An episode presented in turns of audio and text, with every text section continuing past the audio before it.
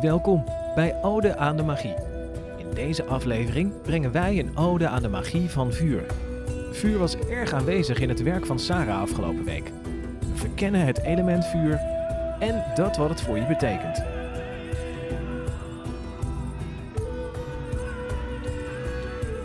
Zo, dus uh, Sarah, vuur was deze week aanwezig. Hoe, hoe merk jij dat dan in je werk? Hoe is vuur dan aanwezig?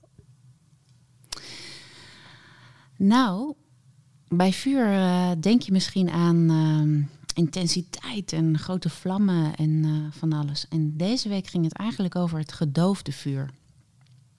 Um, zowel in de, aan de mannelijke kant als de vrouwelijke kant. Dus ik heb gezien hoe het mannelijke um, dacht dat hij heel boos moest zijn. En dat hij eigenlijk juist liefde en zachtheid nodig had. En ik heb gezien hoe het vrouwelijke haar vuur heeft laten temmen. Um, binnen de zelf opgelegde beperkingen van uh, relaties. Dus niet dat een relatie slecht is, maar het ligt eraan vanuit welke intentie je daarin staat. Dus dat is wat ik deze week voorbij heb zien komen in vuur. Kunnen we die zonder uh, want uh, jullie werken met mensen, dat zijn allemaal persoonlijke proce processen. Dus vooraf gelijk gezegd dat we nooit iets naar een persoon kunnen nee. en willen herleiden. Maar uh, iets minder cryptisch maken dan hoe je het net beschrijft. Is het mannelijke. Ja. dus dit, het ging ook over een man, mm -hmm. mannelijke in een man. Ja. Die dus blijkbaar zelf het gevoel hadden van, oh ja, er zit vuur of woede in mij. Ja. En dat moet ook door, door ontbranding, door een ja. een explosie of uh, moet het eruit? Nou, je hebt element vuur, om daar iets over te vertellen.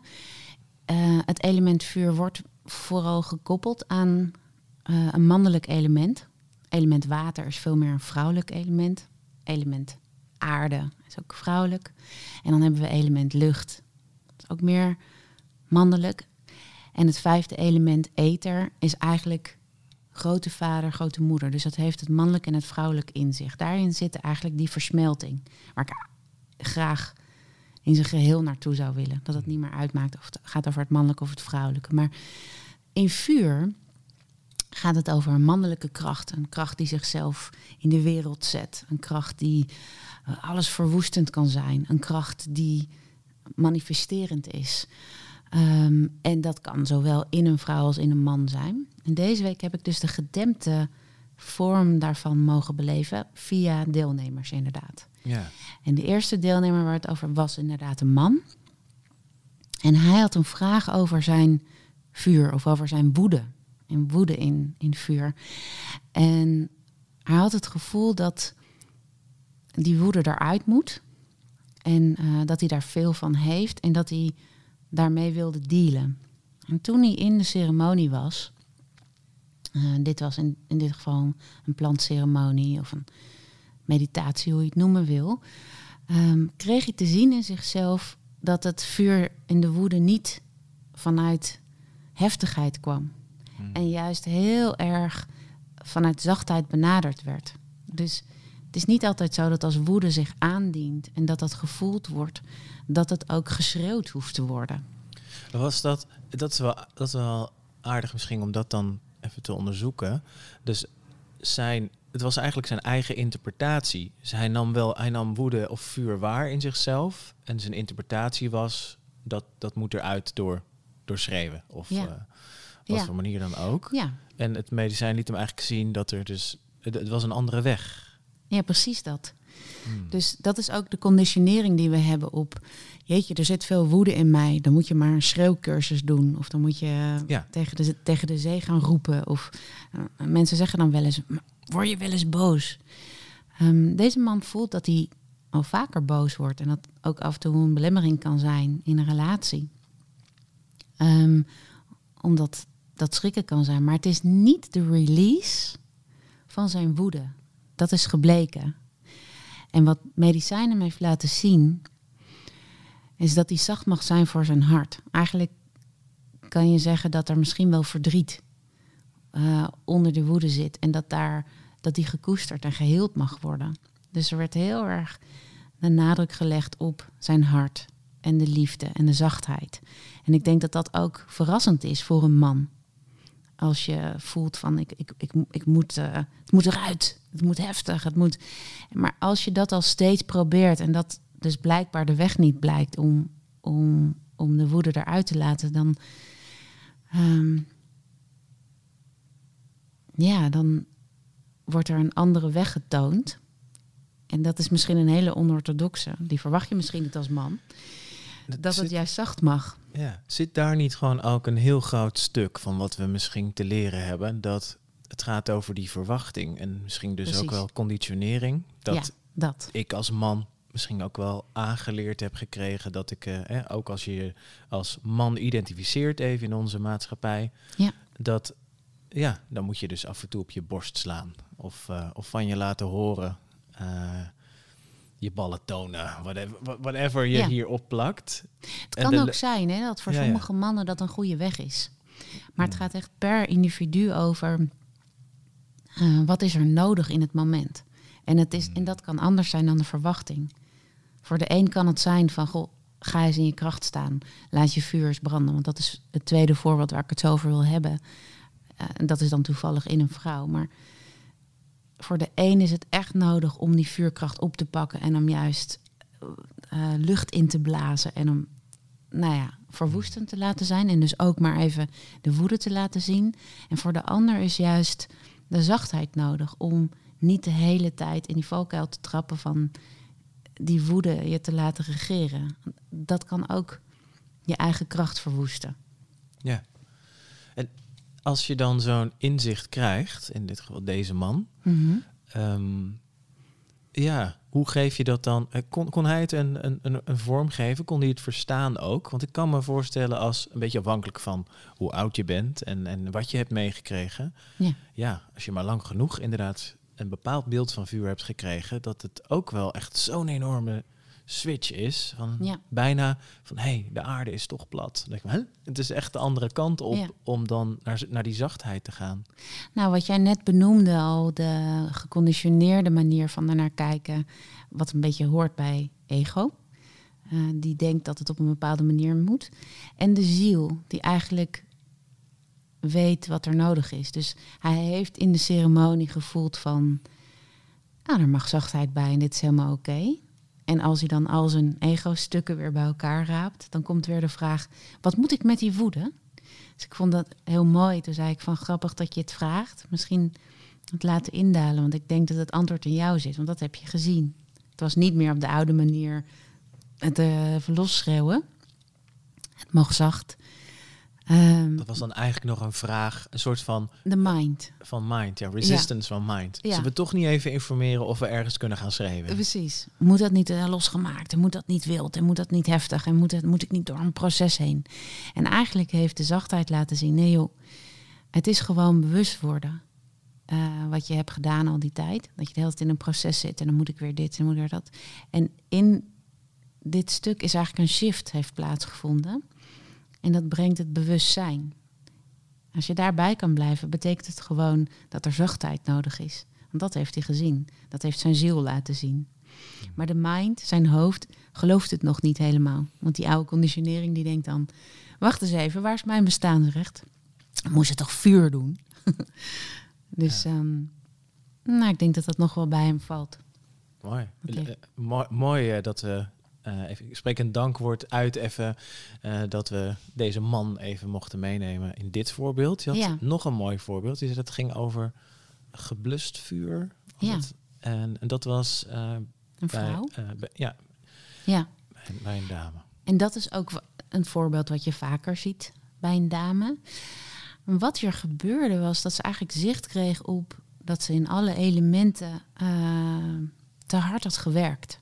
Dus in het aardse te hard letterlijk gewerkt in haar werk en te veel gegeven. En dat je zag dat haar hele energielichaam op, op aarde geblust was. Ehm, er zat geen levensenergie meer in. Ze heeft te, te veel gegeven en ze zag dat ze op element lucht te hard had nagedacht en te veel de mind eh, overbelast. Die, die draaide door. Dus die, die, die kon niet meer. Dus daar, zat ook niet genoeg levenskracht in om, om door te pakken. En, en op water, het gevoelstuk, had ze veel te veel overgeheld. Als we, zoals we dat noemen. Veel te veel met de ander bezig geweest. En niet genoeg geluisterd naar haar eigen gevoel. En daar dus ook een totale uitputtingsslag. En wat je dan ziet is dat, je, dat er geen lucht is om in te blazen in het vuur. Ehm, dat je niet in je flow zit van het water. En dat je dus niet je eigen vuur kan voelen. En dat je vanuit aarde ehm, geen bedding hebt voor jezelf om je vuur aan te wakkeren. En toen zij op het allerlaatst stond in haar vuur, zo fragiel. Je kon voelen dat het niet aan was, het vuur. En dat de levenskracht niet groot genoeg is. En dat er, dat er echt werd gezegd tegen haar: je moet eerst jezelf gaan voeden op al die elementen. En jouw eigen vuur ook weer aanbakkeren. En niet alleen in haar werkrelaties, maar ook in haar eigen relatie werd heel zichtbaar. Was heel dapper ook van deze dames om dat te erkennen. Waarin ze in de relatie eigenlijk zo symbiotisch zijn dat ze hun macht hadden weggegeven aan elkaar. Hoe bedoel je dat? Dat je eigenlijk, en, en, en dat doet bijna iedereen in een relatie wel, dat je zegt, nou, eh, ik, ben jou, ik ben van jou, jij bent van mij, hier is mijn hart, zorg er goed voor. Hmm. En daarmee geef je ook de verantwoordelijkheid weg voor een bepaald deel van jezelf. En als je dat doet, heb je eigenlijk niet de macht over jezelf. En dat is wat je hier ook zag. Dus dan geef je je kracht weg. En als je je kracht weggeeft, en dat is ook een veel te grote verantwoordelijkheid voor iemand anders. Iemand anders kan jou niet gelukkig maken. Dat is veel te groot om te doen. Dus dat is een uitputting naar elkaar. Het is een uitputting van je eigen kracht. Dus je hebt eigenlijk een, een, een gegarandeerde energielek in jezelf. En als je dan het leven gaat leiden, dan werkt je kracht niet voor je, maar dan ben je jezelf aan het uitputten. En om dan weer te gaan zorgen dat je op je eigen benen gaat staan. Dus ze zijn letterlijk ook even niet naast elkaar gaan zitten tijdens hun proces. En hebben elkaar heel mooi losgelaten daarin. Om, zodat je weer op je eigen benen gaat staan en elkaar vanuit een ander. eh, vanuit een andere setting weer kan vinden. Dat je naast elkaar kan staan. Hmm. En dat je je eigen kracht respecteert en ook die van de ander. Is dit, ik heb dat in een boek, weet helaas even niet meer welke, kwam dat voorbeeld voorbij. Dan ging het over, eh, en dit is, dit is luisteren, dus ik, maar ik, heb nu mijn vingers zo rechtop naast elkaar. Het Ja. ging over inderdaad een, eh, wat was het, een H-relatie. Dus twee staande dingen en dan een, liggend streepje ertussen wat een verbinding Mhm. voorstelde. Ja. Of een leunrelatie. En dan heb ik de vingers nu tegen elkaar aan. Zo'n A werd dat dan. Dat het inderdaad ging om leunen. Dat daar ook het risico in zit als... eh, ook dichter bij de microfoon, anders dan... Ik zat met die vingers ervoor. Ja. Ehm, dat het gevaar... Oh ja, als het dus met één slecht gaat in zo'n leunrelatie... Of, eh, Of dat, klap je samen om. dan klap je samen om. Ja, dat het echt over je eigen positie eh, innemen ging. Ja, ik vind dat een hele mooie. Eh, ik denk dat dan zelfs een hale- haarrelatie, dat je daar nog dieper in mag voelen van, ehm, ben ik nog aaneengeschakeld aan de ander? Als je, dit gaat echt over naast elkaar staan met een, met een stukje daartussen. Hmm, Eh, ik heb een- spannend, denk ik. Voor, heel Precies. veel mensen denken... Oh, wow. ja, Ja. Want we, we, we, als we trouwen bijvoorbeeld, doen we elkaar ook wel eens beloftes die waarvan ik denk, kan je dat altijd in stand houden? Je zult altijd van me houden en de good times en de bad times. Maar is het niet zo dat je elke dag mag checken voor jezelf? Wil ik dit? En dat je elke dag weer opnieuw mag kiezen voor iemand. En dat echte vrijheid ook is. Ehm Nou, dat wordt even- machine laat los. Koffiemachine. Oh, dat is de koffie. Ik dacht dat er ergens geklust werd. Was ik denk. Krijgen nu een signaal van boven. Het signaal van de koffie, dat we meer energie nodig hebben. ja. Het gaat wel over het gebluste vuur. ja. Hier. Maar dat je dus. ehm, hoe blijf je bij jezelf in een relatie? En ehm, er is nooit een ultieme veiligheid bij de ander. Dat is een illusie. Dus we, we zoeken naar de ultieme veiligheid bij de ander. Wil jij altijd bij me blijven? Zul je altijd van me houden? Zul je me altijd steunen en ga je nooit bij me weg? Nee, ik zou een gezonde relatie bestempelen als kunnen wij naast elkaar staan en kunnen we elke dag evalueren of dit nog de bedoeling is. En kan ik dan zeggen, ik hou van je vanuit een gezonde positie naar mezelf en vanuit mijn eigen kracht. En als dat niet zo is, dan laat ik je los in liefde. En niet, ik hou je bij me vanuit gevangenschap. En ik denk dat daar uh, beloftes die, waarvan je niet weet of je die over tien jaar nog kan hebben, dat lijkt me niet de fundering voor een goede relatie. Maar dat is wel, nou ja, vanuit de Garden of Eden de belofte geworden. De Adam en Eva in jezelf hou elkaar vast. En dat, en dat maakt niet uit of je uh, een relatie hebt met een, met een man of een vrouw, of weet je, of twee vrouwen. Of, uh, we hadden in de ceremonie een aantal relaties. En het gaat over relaties met een ander. Hmm. En, uh, Maar het gaat over relaties met een ander vanuit de relatie met jezelf. ja, Met, en is het vuur daarin een, een indicator? Kan je dat voor jezelf ook als een soort van waakvlam zien? Nee. Als, als ik, je, ja. als je daar een partner tussen legt, tussen jouw kracht en de wereld, en je hebt daar een- partner voor nodig die daar tussen staat om jouw kracht te vertegenwoordigen, dan geef je behoorlijk wat weg van jezelf. En dan op een gegeven moment gaat jouw vlam uit. Hmm. Dat vind ik nogal een belasting voor je partner, maar ook voor jezelf.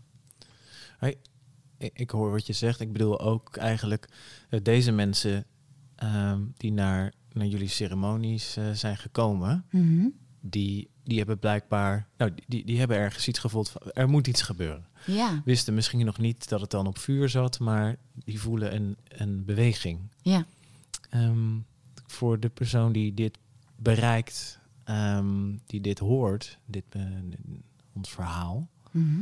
Vraag ik me gewoon af van ook, je, hoe kun je, hoe kun je bij jezelf ook een soort van meting doen?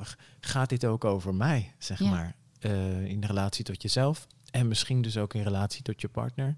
En of inderdaad vuur daar een, een in die letterlijk, als ik hem in de gijzer of hoe heet dat, in de, ketel kijk en er brandt niks, dan kan ik dat heel duidelijk zien. Maar ik kan me zo voorstellen dat je ook best kan leven Mhm. zoals jij beschreef van de dame, eigenlijk ben je dan energie aan het halen uit die, al die andere elementen. ja. En dat je het niet door hebt nog. En, Nee, dat sowieso als het in je blinde vlek zit, dan heb je het niet door. Maar waarschijnlijk als je dit zit te luisteren, want het is ook nooit voor niks, dan heeft het wat met jou te maken. Op het moment dat je dit luistert. Oh, oh ja, ja, dat is, oh, dat is, dan is het echt zo'n.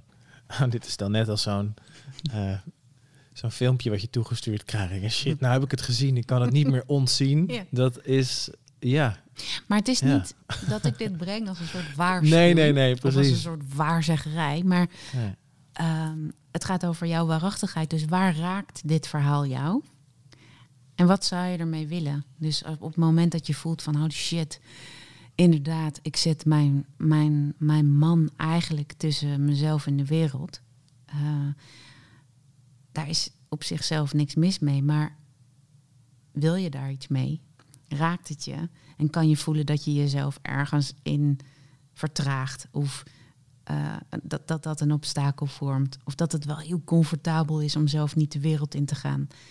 Ehm, nou, als je daar dan iets mee wil, doe dat vooral. Kijk, heel veel mensen wachten tot het moment dat ze niet meer anders kunnen, tot het leven dat laat zien.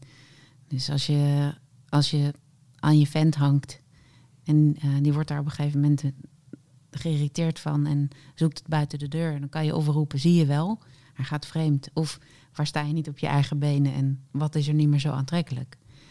Ehm, en dat gaat ook weer over jouzelf. Dus als je mannelijk deel het buiten de deur zoekt, wat, wat heb je eigenlijk buiten de deur te zoeken in plaats van te gaan hangen aan je innerlijke man? Waar heb je te gaan staan? En andersom kan het ook. Ik noem het nu eventjes hangen aan je vent, maar het kan ook hangen aan je vriendin. En het, het, het gaat alle kanten op. Het gaat sowieso over dat hangen aan de ander. Ja, Dit betekent dat je niet zelf staat of aan jezelf hangt. Er waren even twee metaforen die, ja, die nu misschien die we allebei gebruiken. Maar daar gaat het over. ja. En het gaat erover, ja, waar, waar, waar wil je niet gaan staan? En ehm, die is heel logisch. Omdat het ook spannend is om te gaan staan. Het is spannend om te gaan staan. Het is spannend om in je, in je licht te gaan staan. Ja.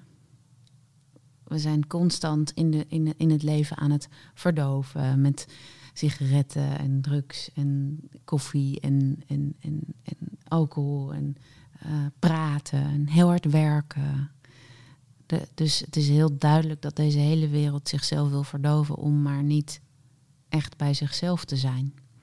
Dat kun je ook doen door een symbiotische relatie te hebben en je te focussen op de ander. Het is een pure verdoving van het zelf. Blijkbaar vinden we het heel eng om ehm, bij de waarachtigheid te komen. Dat is oké. Daar mag je jezelf best in, koesteren en zeggen: ja, dat is ook eng. Ja. Dus ehm, ik heb daar alle begrip voor. Maar ik heb er niet begrip voor. Veel mensen willen ehm, graag blijven in bewust worden. Dus, nou, en dan doe ik nog een cursus en dan nog een ceremonie en dan krijg ik weer een inzicht. En dan zijn ook, dus ook de verdoving en de verslaving van het steeds met blijven ontwikkelen. Hmm. Maar volgens mij op een gegeven moment krijg je gewoon de boodschap binnen en mag je daarvoor gaan staan. Dus als je hem ziet en je neemt de verantwoordelijkheid niet, dan ben je jezelf bewust aan het uitputten. Dus het is niet erg zolang je hem niet ziet, maar als je hem door hebt en je krijgt hem één, twee, drie keer langs, ja, dan mag je bewust zijn. En dus daar hoort een verantwoordelijkheid bij. En wat ik mooi vond aan deze mensen in de ceremonie afgelopen week. Uh, overigens zag ik dezelfde thema's voorbij komen in een bedrijf wat we, wat we begeleiden. Als je hem dan ziet, dan de verantwoordelijkheid te nemen om daar iets mee te doen, zodat je jezelf niet meer verder verdooft en uitput. Dankjewel. En jij bedankt voor het luisteren. En ben je benieuwd naar meer thema's binnen onze podcastserie Ode aan de Magie? Beluister ze dan op je favoriete podcastplatform. Geef ons direct een review en laat even weten wat je ervan vindt in de comments. Heel graag tot de volgende.